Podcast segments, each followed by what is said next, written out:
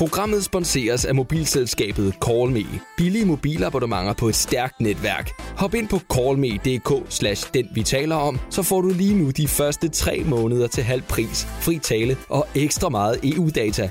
Rigtig god sommer. CallMe. Billigt, nemt, punktum.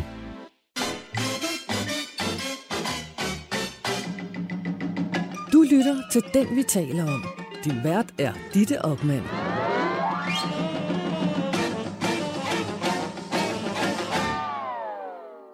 Velkommen til Den, vi taler om. Velkommen til Det, vi taler om, lille søster, ugens portrætmagasin, hvor vi tager ugens store hovedperson op og taler om mennesket og sagen. I sidste uge, der talte vi om Morten Messerschmidt, der tog ud til Pia Kærsgaard og gav hende blomster den dag, han meldte sig ind i partiet. Øh, Morten Messerschmidt, som har været særdeles kontroversiel i medierne, har haft en del tunge sager hængende efter sig, og alligevel er endt som formand for Dansk Folkeparti, om end en lidt afpillet udgave af partiet. Hans søster døde meget tragisk af 26 knivstik. Hun blev slået ihjel af sin samlever, og Morten har adopteret hendes fire børn. Han har hjulpet sin kæreste Dot Vestmand igennem en krise, øh, da hendes datter øh, oplevede en soloulykke og blev øh, invalideret. Han har været igennem øh, hjulpet med op, øh, genoptræning og øh, kæmper med alt fra politik til rengøring af bakkens hvile.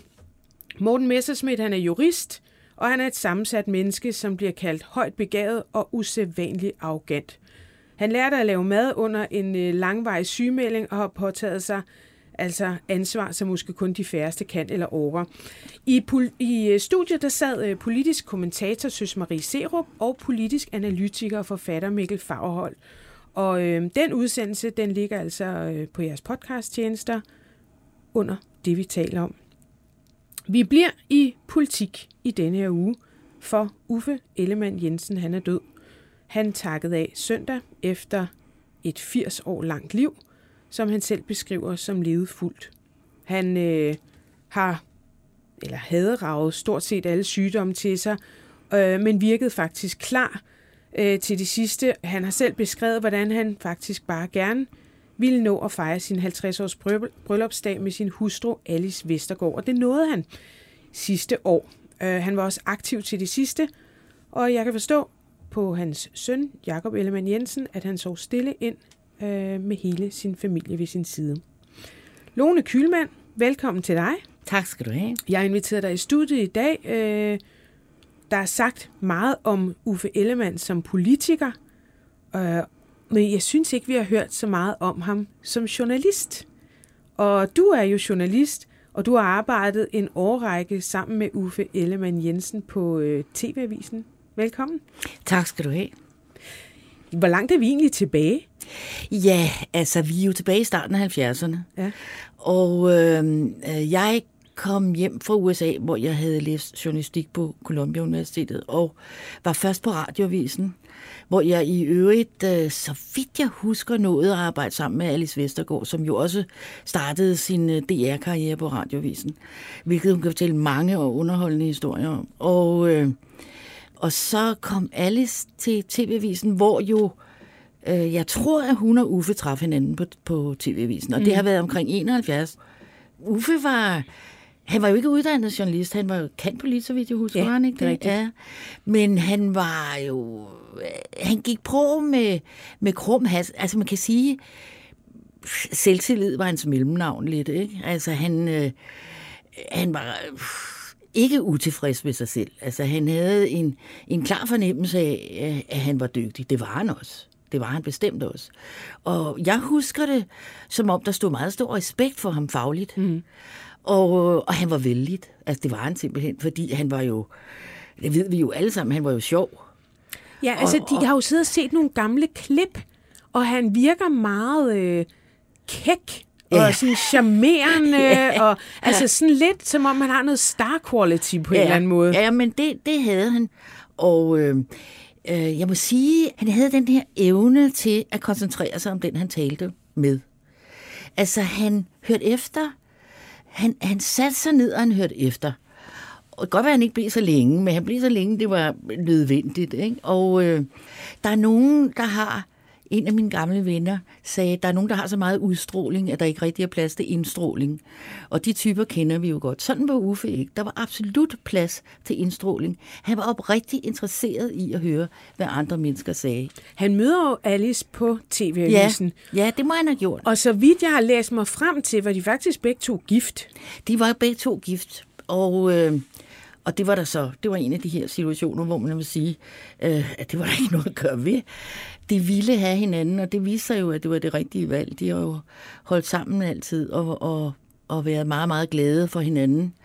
Og øh, ja, altså, ja, de holdt øh, 50 de, de faldt i hak, ja, de faldt mm. i hak, og, og, de, og de var jo de var meget, meget, ja, lige vil sige er, men det er det jo ikke længere, men var meget forskellige, men, øh, men havde jo altså det, der gjorde, at de, at de passede fantastisk godt sammen.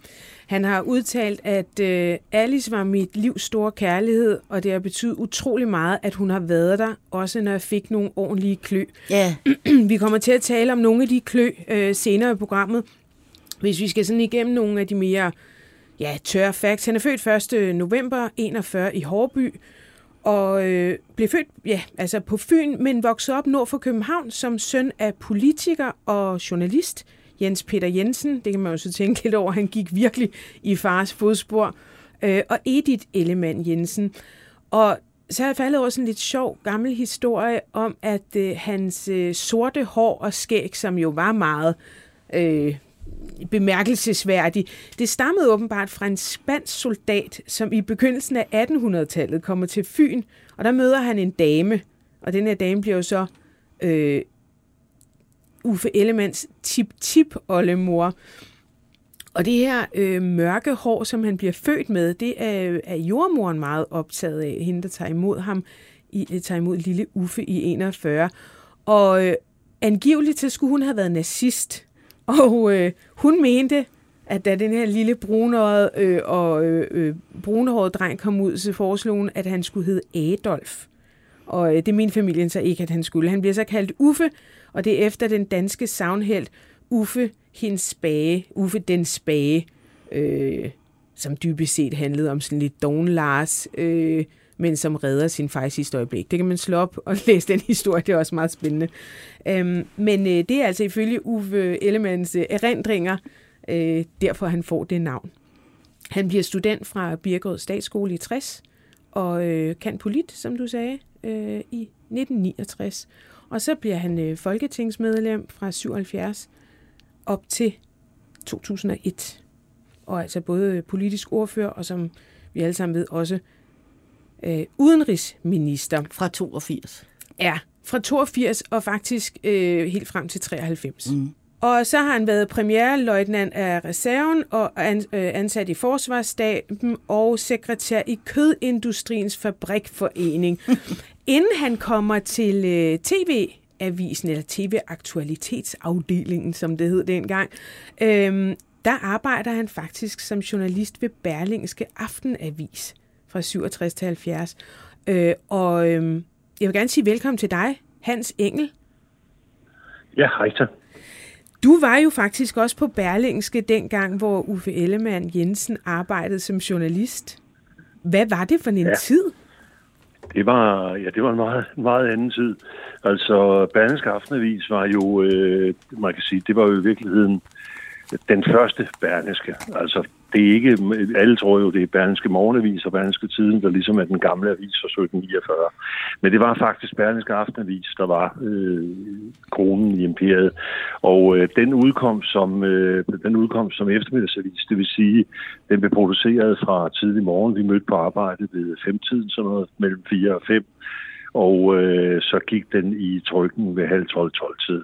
Og det var en meget fin avis, der havde nogle ualmindelige øh, fine øh, journalistnavne som skribenter, øh, Steinmetz og Steinke og øh, alle mulige kunstanmeldere osv. Så, så havde den også en, øh, en, en politisk redaktion, ikke særlig stor, øh, meget veldrevet politisk redaktion, og så var der en erhvervsredaktion. Og Uwe, han var, han var ikke chef for, men han var på erhvervsredaktionen. Og jeg var tiltrådt som, øh, det, der dengang hed journalist elev. Det var jo i mesterlæger. Mm. Og mødte død tidligt om morgenen. Min første opgave var at gå over på Berlingske Tidene, og så finde alle de, de øh, indtelefonerede dødsannoncer, der havde været i løbet af dagen, for at se, om der med Dirk Passers udtryk var nogle gode døde mellem, som skulle i, i, øh, i hvad det hedder, i Berlingske Aftenvis. Og så spiste vi morgenmad sammen, redaktionen, de der var på redaktionen der kl. 6 eller lidt i 6, der spiste vi morgenmad. Og der kom Uffe altid helvedes veloplagt. Jeg kan huske, det, det første, mit første indtryk af Uffe Ellemann, det er, hvorfor er den mand altid så veloplagt på det tidspunkt om morgenen? Og det var ikke fordi Uffe, han levede et ret fredeligt øh, liv, og han, han var også i gang med sin studie og sådan noget. Han var, han var, øh, og han var morsom, han var underholdende. Og jeg vil sige, at han havde ikke passeret en MeToo-test i dag, fordi det var sådan typisk Uffe, når han sad og kiggede ud over den der blanding af mandlige og kvindelige medarbejdere. Så sagde han, at på den her redaktion, der kan man godt se, at mændene de bliver udsat efter, ansat efter udseende. Det gælder ikke for kvinder. Og så, det var sgu så, blev der jo, så blev der jo en helvedes ballade, og alle sagde et eller andet. Ikke?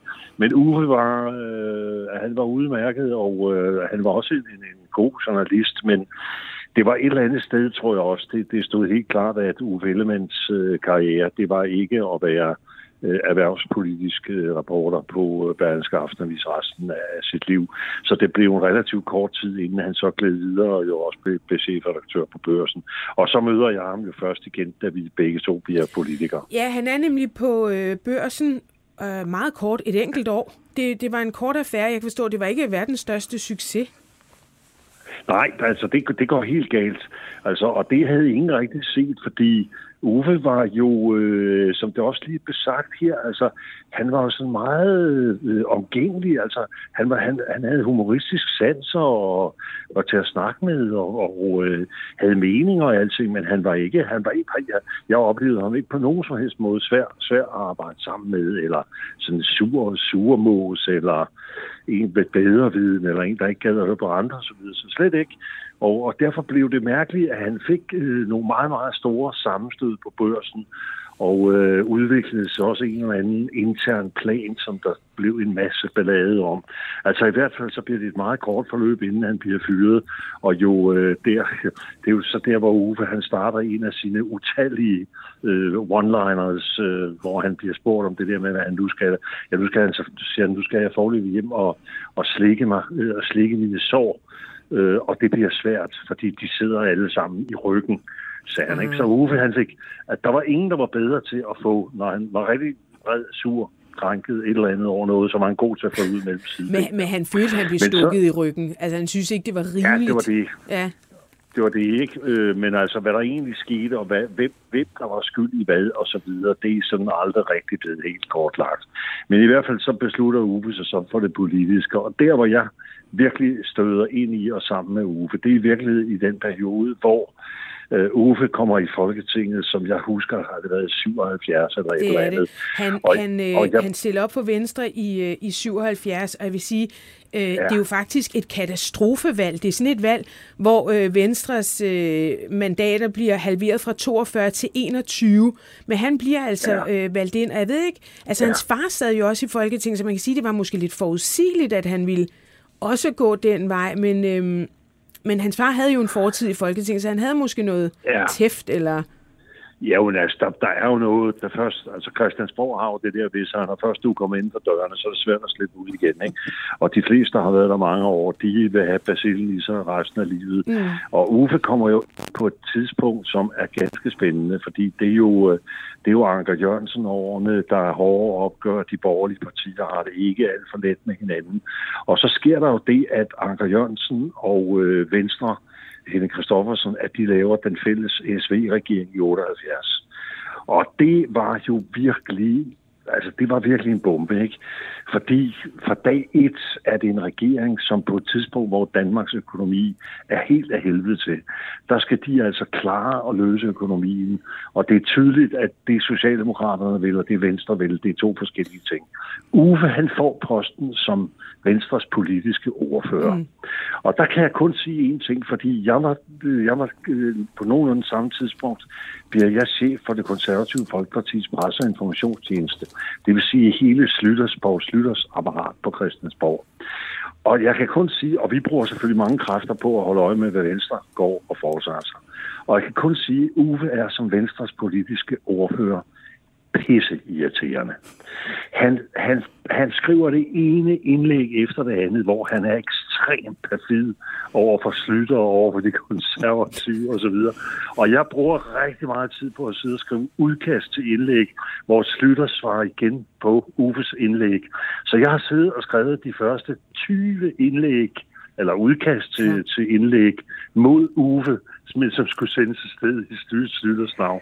Uwe, han var, han var, han var virkelig altså, og, og Slytter var, var, var så træt af ham. Fordi altså, et var, at Venstre synes, vi havde svigtet og var gået sammen med Socialdemokraterne.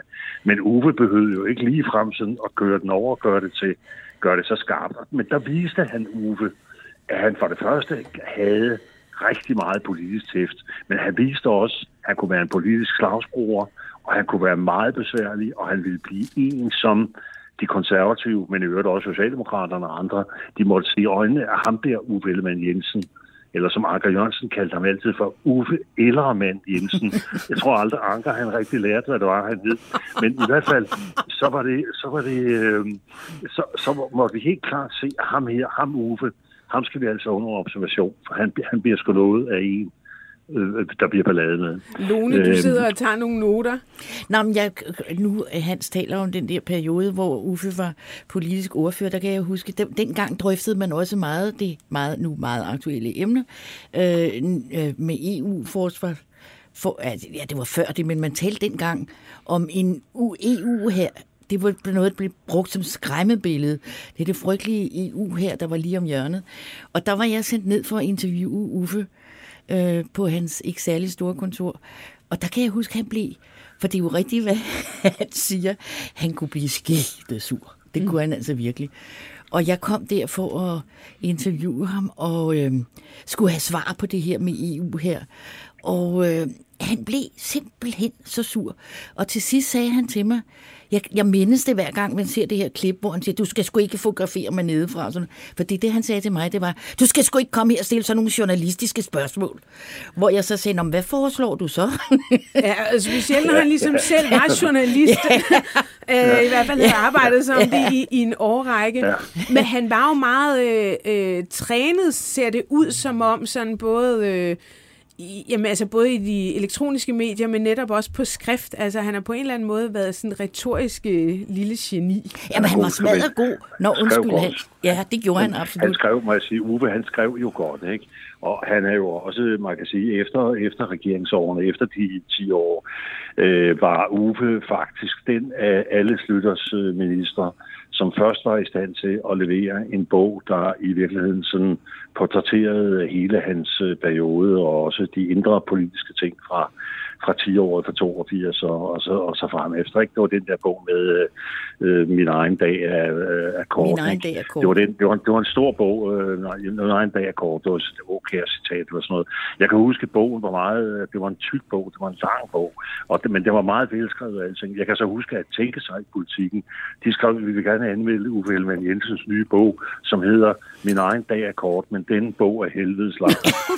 så, men det var en god bog, han skrev, og han skrev godt. Og han kunne, altså også i sin tid som udenrigsminister, var han også selv forfatter på rigtig meget. Altså det er jo der, du kan mærke på politikere, som er selvhjulpende, og de, som ikke er det. Altså de, som skal have alt lavet for andre, og de, der kan selv. Og Uwe kunne selv. Fordi selvom han ikke var journalist, så var han jo journalist, selvlært journalist, og så politisk, men han havde jo arbejdet med, med journalistik i mange år. Mm. Og havde I to øh, nogle øh, stridigheder, eller, øh, eller, eller var I bare to gode borgerlige venner? Nej, det kan man ikke sige. Altså Uwe og jeg, vi havde, altså vi bliver jo som minister, og øh, jeg bliver forsvars, og han bliver udenrigsminister. Han er jo partiformand, og jeg er jo så bare en lille forsvarsminister under den store Poul Slytter. Øh, men altså, da vi kommer senere hen, altså i alle årene som minister, der synes jeg så, at vi havde et meget godt øh, samarbejde. Og Uffe, han var sjov, han var festlig. Han var også et godt samlingspunkt i forhold til regeringen. Altså, han og Alice øh, inviterede alle ministerne, når vi havde været til nytårstaften på Malenborg. Og man kan sige meget om nytårstaften på Malenborg, men det er altså ikke sådan, som hvis man har en god appetit, og man så skal regne med, altså så kommer man til at gå i seng på halvtom mave, ikke? Så, og det her, den havde Uffe og Alice jo set igennem, så de lavede jo nakspil øh, derude ved, ved, ved Øresund, og der kom vi jo så ud, og der fik vi jo så alt det, som Uffe også godt kunne lide, nemlig noget spejepølser, rullepølser, leverpostej og øl og brændevin og det hele. Ikke? Så, og der var, var de jo et super samlingspunkt. Men vi fik, når du spørger til det, vi fik jo det store sammenstød. Det var omkring, der er Slytter-regeringen gået af, og vi er fremme i 1995, og vi skal have finansloven, regeringen, øh, Nyrup-regeringen skal have finansloven fra 95 på plads. Og det, nu skal jeg gøre en meget, meget lang historie, meget, meget kort, men det kom til at handle om et meget, meget stort opgør mellem Venstre og Konservativ, fordi jeg som konservativ formand øh, ikke kunne se, at vi skulle alt det gå på gulvet, øh, bare for at håbe på, at vi kunne få et folketingsvalg.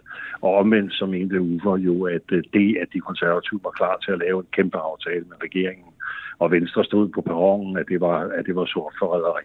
Så det kastede, det kastede os ud i et meget, meget langvarigt og meget, meget hårdt opgør i en lang periode. Så jeg vil ikke sige, at altså, det ville være løgn, hvis jeg sagde, at øh, forholdet til Uffe var ukompliceret. Men jeg vil så få til, at det tror jeg i virkeligheden galt for ret mange politikere.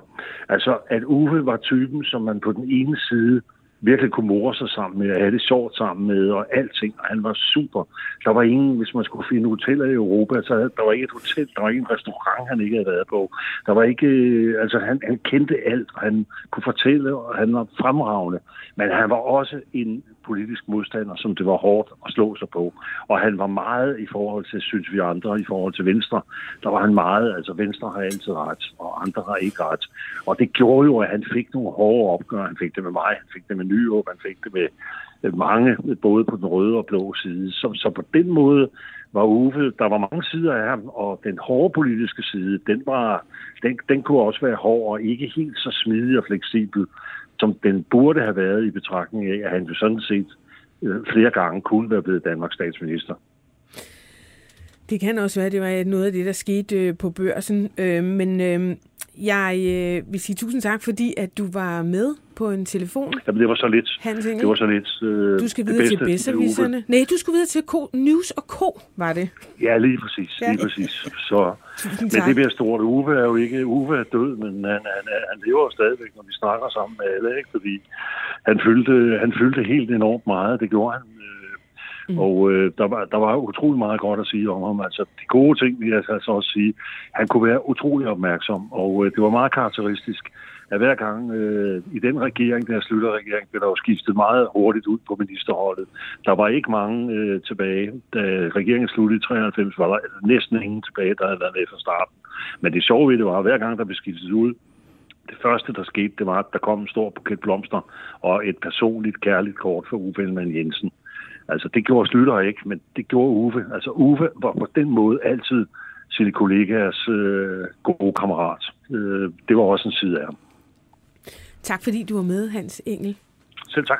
Jeg synes, det er meget, øh, hvis I må tage tråden op for det, han siger, jeg synes, det er meget, meget typisk øh, for Uffe, også det der med, at øh, hvis man skulle et sted hen, så vidste han præcis, hvor man skulle spise middag, og man vidste præcis, hvordan man fik billetter til operaen, og han, og han elskede at være den, der vidste. Han må også have rejst helt sindssygt meget. Det er jo, det er jo klart, det gjorde ja. han jo, øh, både i embeds medfør og lyst, uden tvivl. Ja. Ikke?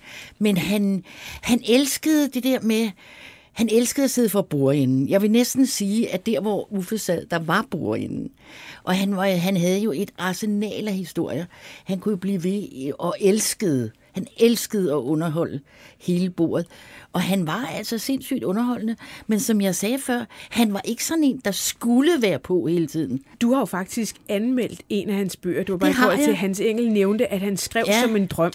Øh, og han skrev skarpt, og han har jo været ekstremt produktiv i sine ja. øh, bogudgivelser. Og jeg, jeg... Det er jo sådan noget, at han nærmest har udgivet ind i 71, 72, 73, 74, 75, 76, altså virkelig, virkelig mange bøger. Øhm. Ja, og han, altså den seneste, så vidt jeg ved i hvert fald, øh, det var den, han, han udgav i 2017, som også var et, et bind i rendringer. Og, øh, og den anmeldte, jeg faldt lige i går over anmeldelsen, og den er ikke ret lang, fordi det var en, en øh, anmeldelse, som jeg lavede over for bibliotekarer og boghandlere. Og øh, hvis jeg lige må læse op, så vil jeg godt lige gerne gøre det. Og der skriver jeg, hans fortid som journalist fornægter sig ikke. Det er velskrevne og livlige erindringer, selvom de kunne være endnu livligere, hvis ikke han havde lagt bånd på sig selv.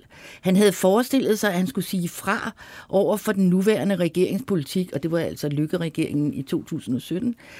Han havde forestillet sig, at han skulle sige fra over for den nuværende regeringspolitik, som han virkelig foragter, og ikke synes har noget som helst med liberale holdninger at gøre. Men så kommer han i tanke om, at han har to børn på fremtrædende positioner i Venstre. Datteren Karen er minister, og sønnen Jakob politisk ordfører. Så han må gå stille med dørene, skriver han i forordet. Men altså, han giver ikke mere stille med dørene, end man skal være ualmindeligt tungnem for ikke at opfatte, hvad han mener om regeringen. Ellemann har som mangeårig udenrigsminister truffet alt, hvad der er værd at træffe i international politik, og det har han tydeligvis nyt helt enormt. Han har virkelig nyttet, men den eneste, der får et helt kapitel i bogen, er hans nylig afdøde hund – det er mere end hans kone Alice Vestergaard får, selvom det trods alt er tydeligt, at der er tale om et meget lykkeligt ægteskab, selvom det er hunden og ikke Alice, der er med på forsiden. Der er altså noget med øh, politikere og deres hunde, vil jeg sige. uh, vi talte for nogle uger siden om Claus Hjort Frederiksen, som har haft uh, fem hunde, tror jeg det er, der alle sammen hedder Frida. Dem kender jeg udmærket, for vi bor ikke så langt fra hinanden. Vi har faktisk gået til hundetræning Nå, sammen. for så... Jamen, hvorfor ikke? Uffes energi og person gjorde ham til et øh, politisk idol for en øh, del yngre og nu faktisk ældre og meget kendte venstreløver, som øh, senere er blevet liberale toppolitikere og kommentatorer. Jeg kan blandt andet nævne Søren Pind og Jarl Cordua, men altså også Lars Lykke Rasmussen. Jeg synes lige, vi skal høre en lille bid, øh, hvor Bertel Hård faktisk forklare en lille smule om, hvad, hvad han egentlig kom med af energi, da han øh, melder sig ind i Venstre og kommer i Folketinget. En hel generation af unge venstrefolk blev venstrefolk på grund af ham, og forvandlede os fra et ret lille parti til et meget stort parti, og faktisk til Danmarks største parti i en lang periode. Og det var ham. Det var simpelthen hans person. Han fik Venstre ind i byerne. Han kunne begejstre. Og det var det der med at være sig selv – og ikke gøre alt muligt for at tækkes offentligheden. Han havde ingen spindoktor, det behøvede han ikke. Han var sin egen spindoktor, og derfor kunne man kende ham i landskabet. Han var ikke udspekuleret, han var bare ærlig. Og, og det kunne man mærke. Han var i virkeligheden også vores første rigtige tv-politiker. Han kunne det medie, også fra din side, for der havde han også stået. Og Lars Lykke Rasmussen, du er med på en, øh, du er med på en telefon. Øh, du er jo formand for Moderaterne i dag og stiller op til næste valg, men du øh, har jo som bekendt også været formand for Venstre og medlem af partiet siden, øh, så vidt jeg sådan har kunne regne mig frem, midt 80'erne. Passer det ikke nogenlunde? Nej, 1981 faktisk. Okay, start 80'erne. Beklager. Ja. ja. Øhm, hvordan så du jeres øh, formand i de år? Jamen, fuldstændig som Bertel siger, en vi, øh, en vi så op til. Altså, da jeg meldte mig ind i Venstres Ungdom, der var, var Venstre jo et, et lille parti, som slet ikke havde greb om de unge og byerne. Det var konservativ og konservativ ungdom, der var det helt store. Øhm, og når man så lige meldte sig ind, så var det ikke mindst på grund af Uffe, og det var også Uffe, der gjorde, at vi øh, op gennem øh, 80'erne, jeg blev landsformand for Venstres Ungdom i 1986, begyndte at få tag i de unge, ikke? fordi øh, før da var vi sådan et parti, som ikke var stort, og som havde mest fodfæste i landbrugskreds. Ikke? Jeg kan huske, da jeg selv meldte mig ind i VU, jeg mødte min egen klasselærer et halvt år efter, jeg lige startede gymnasiet og fortalte, at jeg havde været til VU-møde, så kiggede hun helt skævt på mig og spurgte, hvad lavede jeg der? Ikke? Men, men, men, men, men Uffe var med til at, at give det, ja, i dag ville man sige street cred, ikke? Altså, ja. det var han i den grad.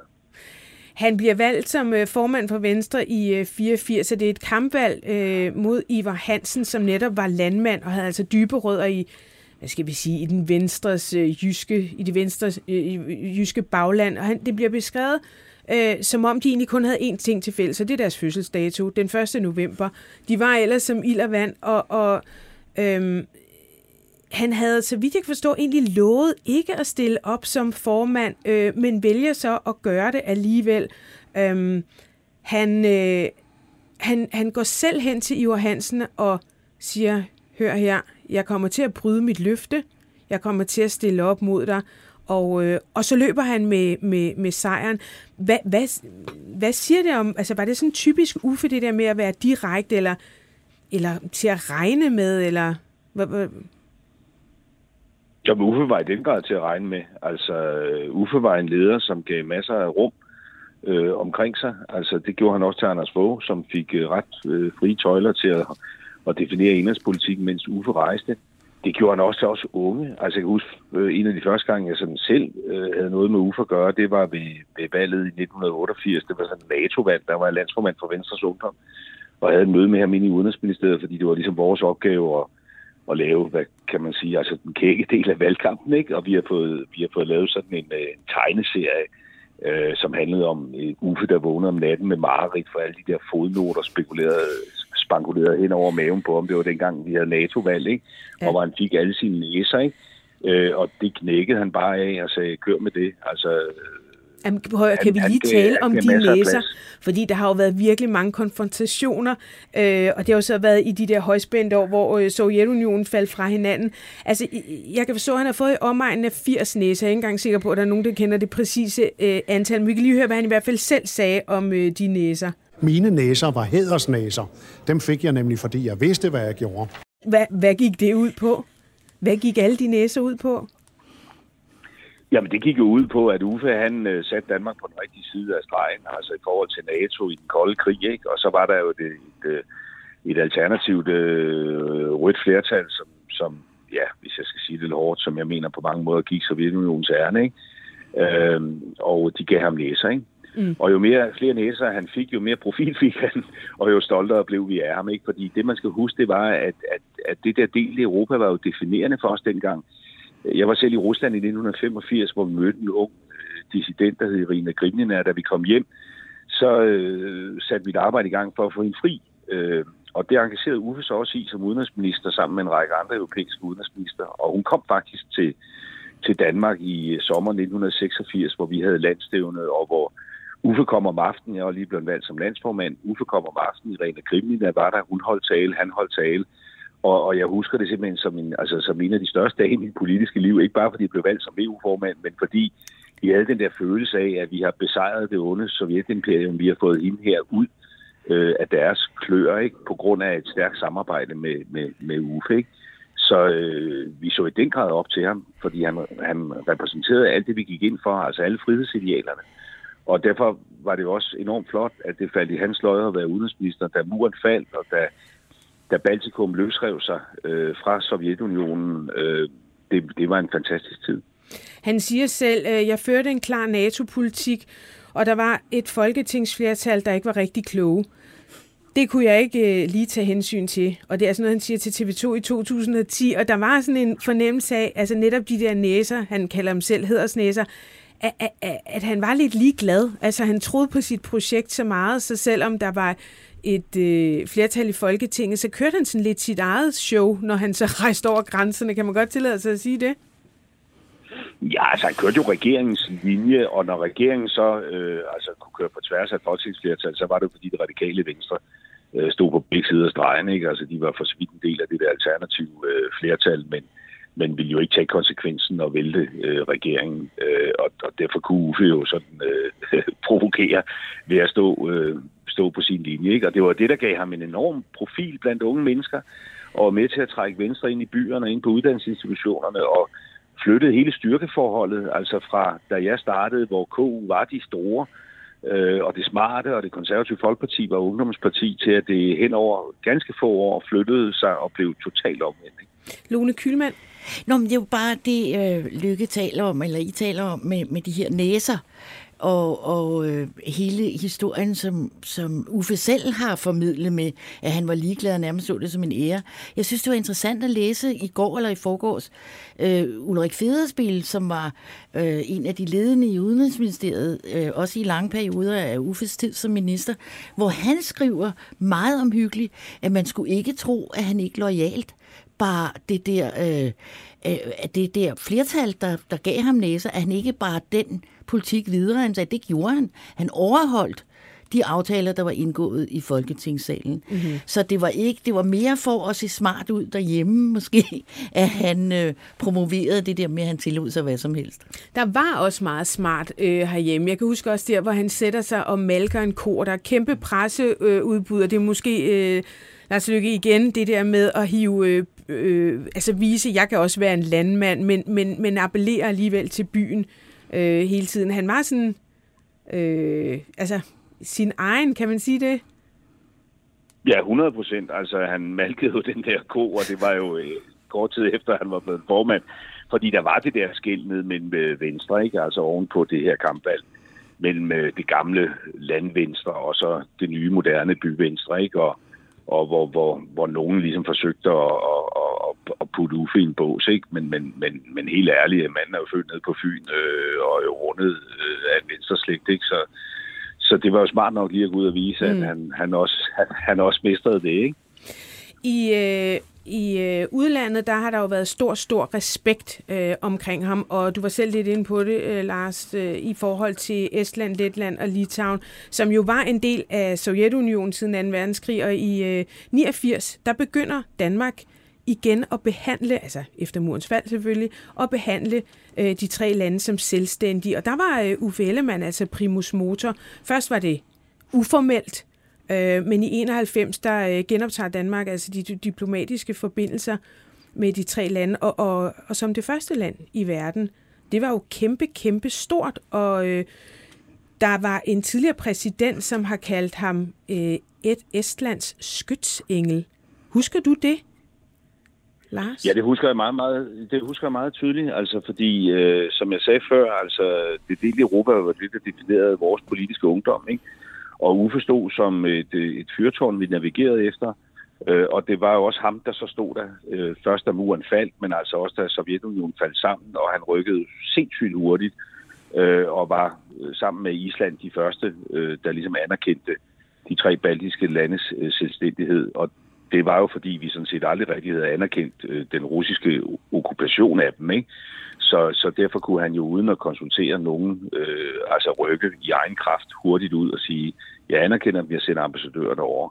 Og, og det oplevede jeg selv i de år, når vi snakkede med unge øh, østeuropæere og unge balter. Altså, de, de, var helt, de var helt på det rene med, at, at Danmark var, var first mover der. Og det er også derfor, man kan se oven på Uffes død, at der er kommet mange øh, altså varme reaktioner tilbage fra de baltiske lande. Hvordan opfattede du ham som øh, menneske? Jamen, jeg opfattede ham som en, en ærlig person. Altså, som Bertel også var inde på det, han, han stod ved, ved sig selv. Altså, han forestillede sig ikke. Øhm, og så husker jeg jo hans, hans, hans, hans knæk, ikke? Altså, øh, nå Lars, altså øh, en, en, en varm personlighed, altså, og, og helt ærligt, altså nu er jeg blevet en halvgammel mand, ikke? men dengang vi var unge, vi var jo vi var bare helt vilde med ham. Altså, jeg kan huske, da jeg fyldte 25, da var jeg VU-formand, jeg fik en flaske Lafroig, altså en flaske whisky mm. af ham. Øh, det smagte egentlig redselsfuldt, fordi jeg tror, man skal være hvad hedder det, inkarneret piberyger for at kunne kunne tage så øh, røgfuld en whisky. Ikke? Men, det behøver man altså ikke at være, det kan jeg sige. ja, det kan godt være. Jeg vil bare sige, at vi, vi, vi, vi, vi, vi drak en del af det der whisky i den der periode, ikke? og det gjorde vi, fordi at alt, hvad Uffe gjorde, det gjorde vi også. Altså, vi, vi så virkelig op til ham. Tusind tak, fordi øh, vi måtte ringe til dig, Lars Lykke Rasmussen. Tak, fordi jeg måtte være med. Jeg, jeg, jeg sidder bare sådan og tænker, øh, at der har jo været nogle af de der gimmicks, netop øh, da han malker konen, men der var også en meget, meget fin øh, historie om, øh, han giver en øh, frokost i Prag til nogle af de her dissidenter, og øh, der lader han en stol stå tom ved bordet, som øh, var reserveret til Václav Havel, som selvfølgelig ikke kunne deltage, fordi han på det tidspunkt øh, var i fængsel. Det er jo noget, som har haft meget, hvad skal vi sige, store Øh, altså, det, det, det er små ting, han har gjort, som alligevel har, har haft en stor symbol, symbolværdi. Jamen, han var en stor iscenesætter. Ikke? Altså, han kunne virkelig øh, gribe en situation og, og, og gøre den til noget, man kunne huske. Mm.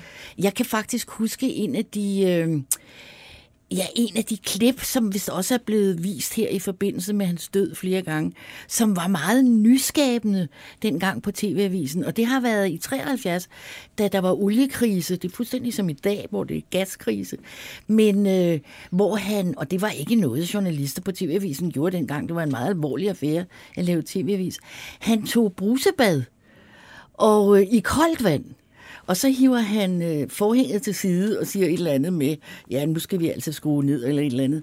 Og han står så Meget der. underholdende. Meget underholdende, og han var, altså man kunne jo se på ham, han var ved at gå ud af sit gode skin af begejstring over sig selv. Men det, men det var også sjovt, og det var noget, man lagde mærke til, mm. at han øh, var med til at indføre, kan man godt sige, en, en mere øh, engagerende form for journalistik.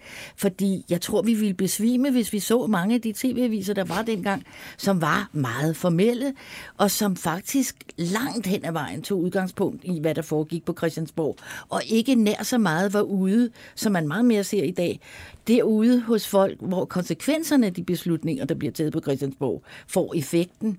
Og mange af de øh, succeser, han har haft, altså, og det kan man jo sige både øh, som journalist, men især også som øh, politiker, godt tænke mig også at tale lidt om nogle af de øh, nederlag, som han øh, trods alt også måtte øh, sende. Øh, og det ene, det var, øh, at ja, i 19, øh, jo, 1995 var det, der var han faktisk øh, åben for at forlade politik. Øh, NATO skulle finde en ny generalsekretær, og han var jo meget, altså han havde et udsyn, øh, men Frankrig sagde altså nej, og så gik posten til øh, den spanske Javier Solana. Øh, han forsøgte jo også at blive øh, statsminister, men tabte meget smalt til øh, Nyrup, og det var i øh, 98. Og der er nogen, der siger, at det kan hænge sammen med en forside på Ekstrabladet. Forhistorien er, øh, at ja, der er jo, han er på valgtur. Det var og, det, vi hørte i et klip før. Nå. han er på valgtur, og øhm, i virkeligheden, så der er jo masser af journalister med, og, i, og på et tidspunkt så vælger han øh, at dele en taxa sammen med en øh, ekstrabladsjournalist, som hedder Nils Christian Nielsen, og øh, tager ham med hjem, og de åbner en øh, flaske whisky, og så sidder de og snakker derudaf. Så da vi kom hjem til mit hus, så øh, mente han, at jeg skyldte ham en drink. Og da jeg var øh, et flinkt og venligt menneske, så sagde jeg, okay, kom med ind og få en øl eller en whisky, eller hvad I nu vil have. Så vi satte os i køkkenet, helt afslappet, og så afslappet, så jeg ikke tog mig af, at fotografen han sådan begyndte at tage billeder. Og han tog blandt andet et af mig, der øh, sad der med et glas i hånden.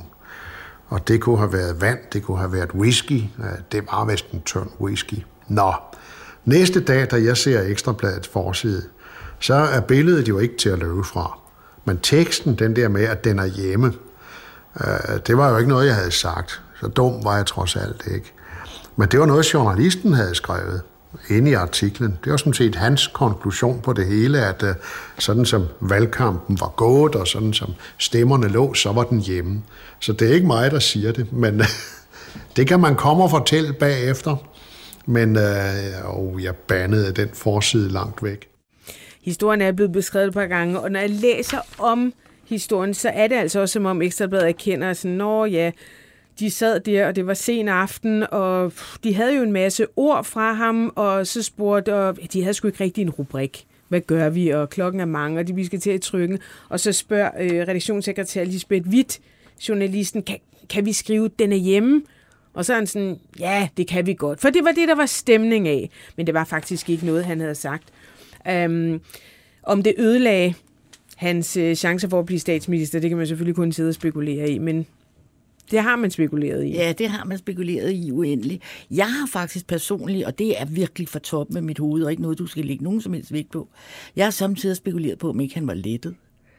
Altså, jeg ved ikke, det var jo, det var jo den store verden, der interesserede Uffe meget mere end øh, fnideriet på Christiansborg. Og selvom Christiansborg-journalister og selvfølgelig også danske politikere ikke er meget for det, så er det jo en lille provins øh, derinde på Christiansborg. Det er jo ikke det, de store beslutninger bliver truffet. Mm. Og det er jo noget, man helst ikke må tale om. Fordi øh, hvis, ikke de hvis politikerne på Christiansborg ikke er betydningsfulde, hvad kan man så sige om journalisterne? Og den slags skal man altså ikke sige om Christiansborg journalister. Det skulle man heller ikke, da jeg var ung. Det skal man stadigvæk Anders Fogh Rasmussen, han har også et bud på, hvorfor han måske ikke blev statsminister. Faktisk kan jeg jo sige, at øh, helt tilbage i valgkampen 1998, havde partisekretær Claus Lund Frederiksen og jeg anbefalet, at Venstre skulle gå lidt hårdere øh, til øh, i øh, udenrigspolitikken, øh, i øh, udlændingepolitikken. Og det nægtede Uffe at gøre, og øh, vi var den klare opfattelse, at havde han allerede der skærpet holdningen noget, så kunne vi nok have vundet i 1998, så Uffe var blevet statsminister. Hvad siger du, Lone? Ja, jeg siger, jeg tror ikke, han havde lyst til at være statsminister for den slags politik. Nej, det tror jeg heller ikke. Det har han jo givet meget, meget udtryk for. Lige til det sidste, kan vi roligt sige. Ja. Også det, omkring Mohammed-krisen, ja, der har også... der har han været meget, meget klar i mailet. Og når jeg, jeg har skrevet kommentarer rundt omkring i, i øh, mange af forskellige aviser, der blandt politikken og informationer og, og bærlingerne i flere år. Og øh, når jeg hørte fra Uffe, og det var altså samtidig omveje og samtidig direkte, øh, så var det altid, når det var noget, jeg havde skrevet om for eksempel forholdene i Afghanistan, eller i det hele taget forholdene omkring indvandrere og flygtninge, og, øh, og han gik bestemt ikke ind for øh, den politik, som Venstre jo gennemførte øh, på for Dansk Folkeparti's nåde. Og så var der øh, EU-forbeholdene så var der EU-forbeholdene. Ja, det var, øh, det, det, det var noget, der virkelig øh, betød noget for ham, og han er jo blevet meget kendt for, for det her lille øh, citat, man kan sige, første stemme Danmark øh, øh, EU-forbeholdene ja. igennem, hvis man kan sige det If sådan. you can't join them, beat them. Ja, og efterfølgende så er det jo så, at vi vinder øh, EM ja. i fodbold i 1992, ja. og han gladeligt øh, må konkludere, igen mene sine one-liners. Ja. We are going to win because as we say, If you can't join them, beat them. Jeg tror, han var rigtig glad for, at øh, i hvert fald forsvarsforbeholdet nu var øh, er sløjfet. Det tror jeg.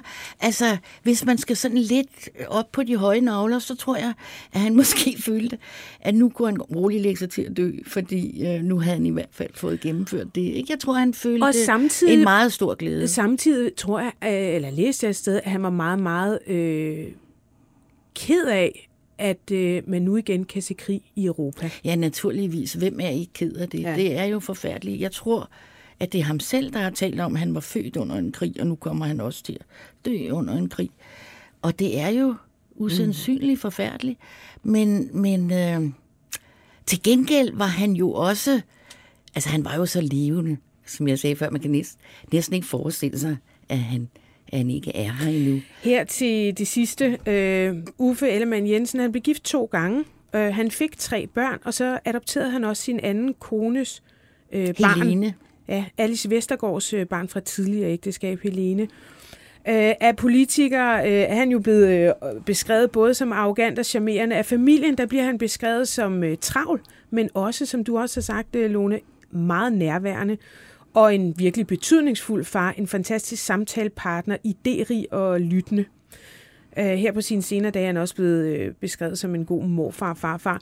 Testamentet, det var altså for længst skrevet. Det har øh, han fortalt Kristi Dagblad i 2021.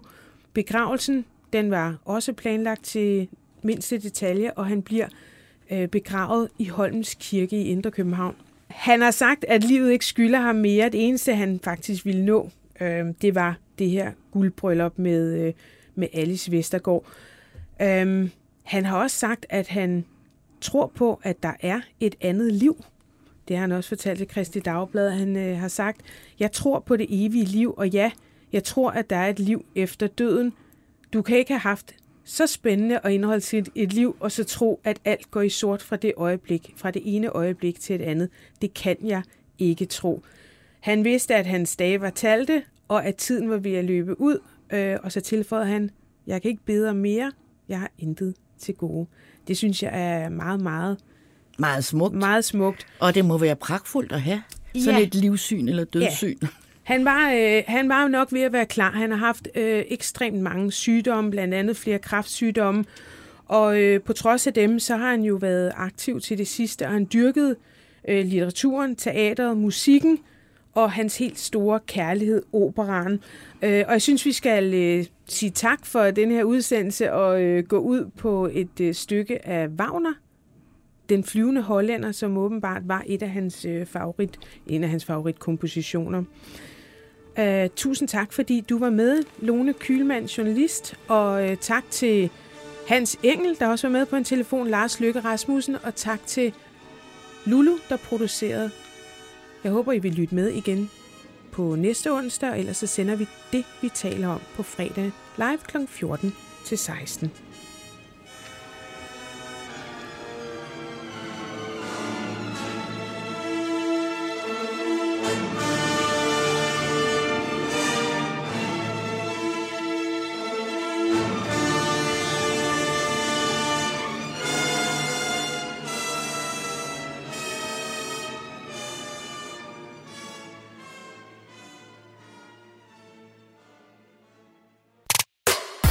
Programmet sponseres af mobilselskabet CallMe. Billige mobilabonnementer på et stærkt netværk. Hop ind på callme.dk slash den vi taler om, så får du lige nu de første tre måneder til halv pris, fri tale og ekstra meget EU-data. Rigtig god sommer. CallMe. Billigt, nemt, punktum.